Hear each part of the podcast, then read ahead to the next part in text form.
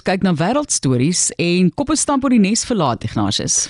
Martlies, 'n Italiaanse ma se leenes droom het gemaak dat sy hof toe is. Soos sy dit gestel het, sy wil van parasiete ontslaa raak. 'n Ma sorg mos vir haar kinders, maar die vorm wat daardie sorg aanneem verander gewoonlik oor tyd.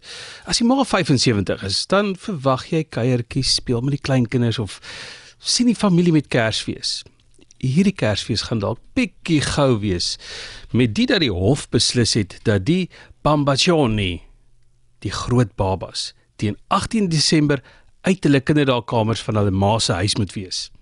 Anders is die man in die rooi pak die Desember van Italië se rooi mure. Dis nie vreemd dat verskillende generasies saamwoon nie. Die twee seuns is egter 40 en 42 het beide werk, maar maak nie 'n finansiële bydrae tot die huishouding nie. Hulle help ook nie in en om die huis nie. Die ma is 75, afgetree, pensioen nou die paste in die pot. Die man se prokureurs se verdediging is dat die Italiaanse wet bepaal dat ouers na hulle kinders moet omsien solank as nodig. Die regter het egter bepaal dat dit darm nie meer redelik is as jy in jou 40's is nie.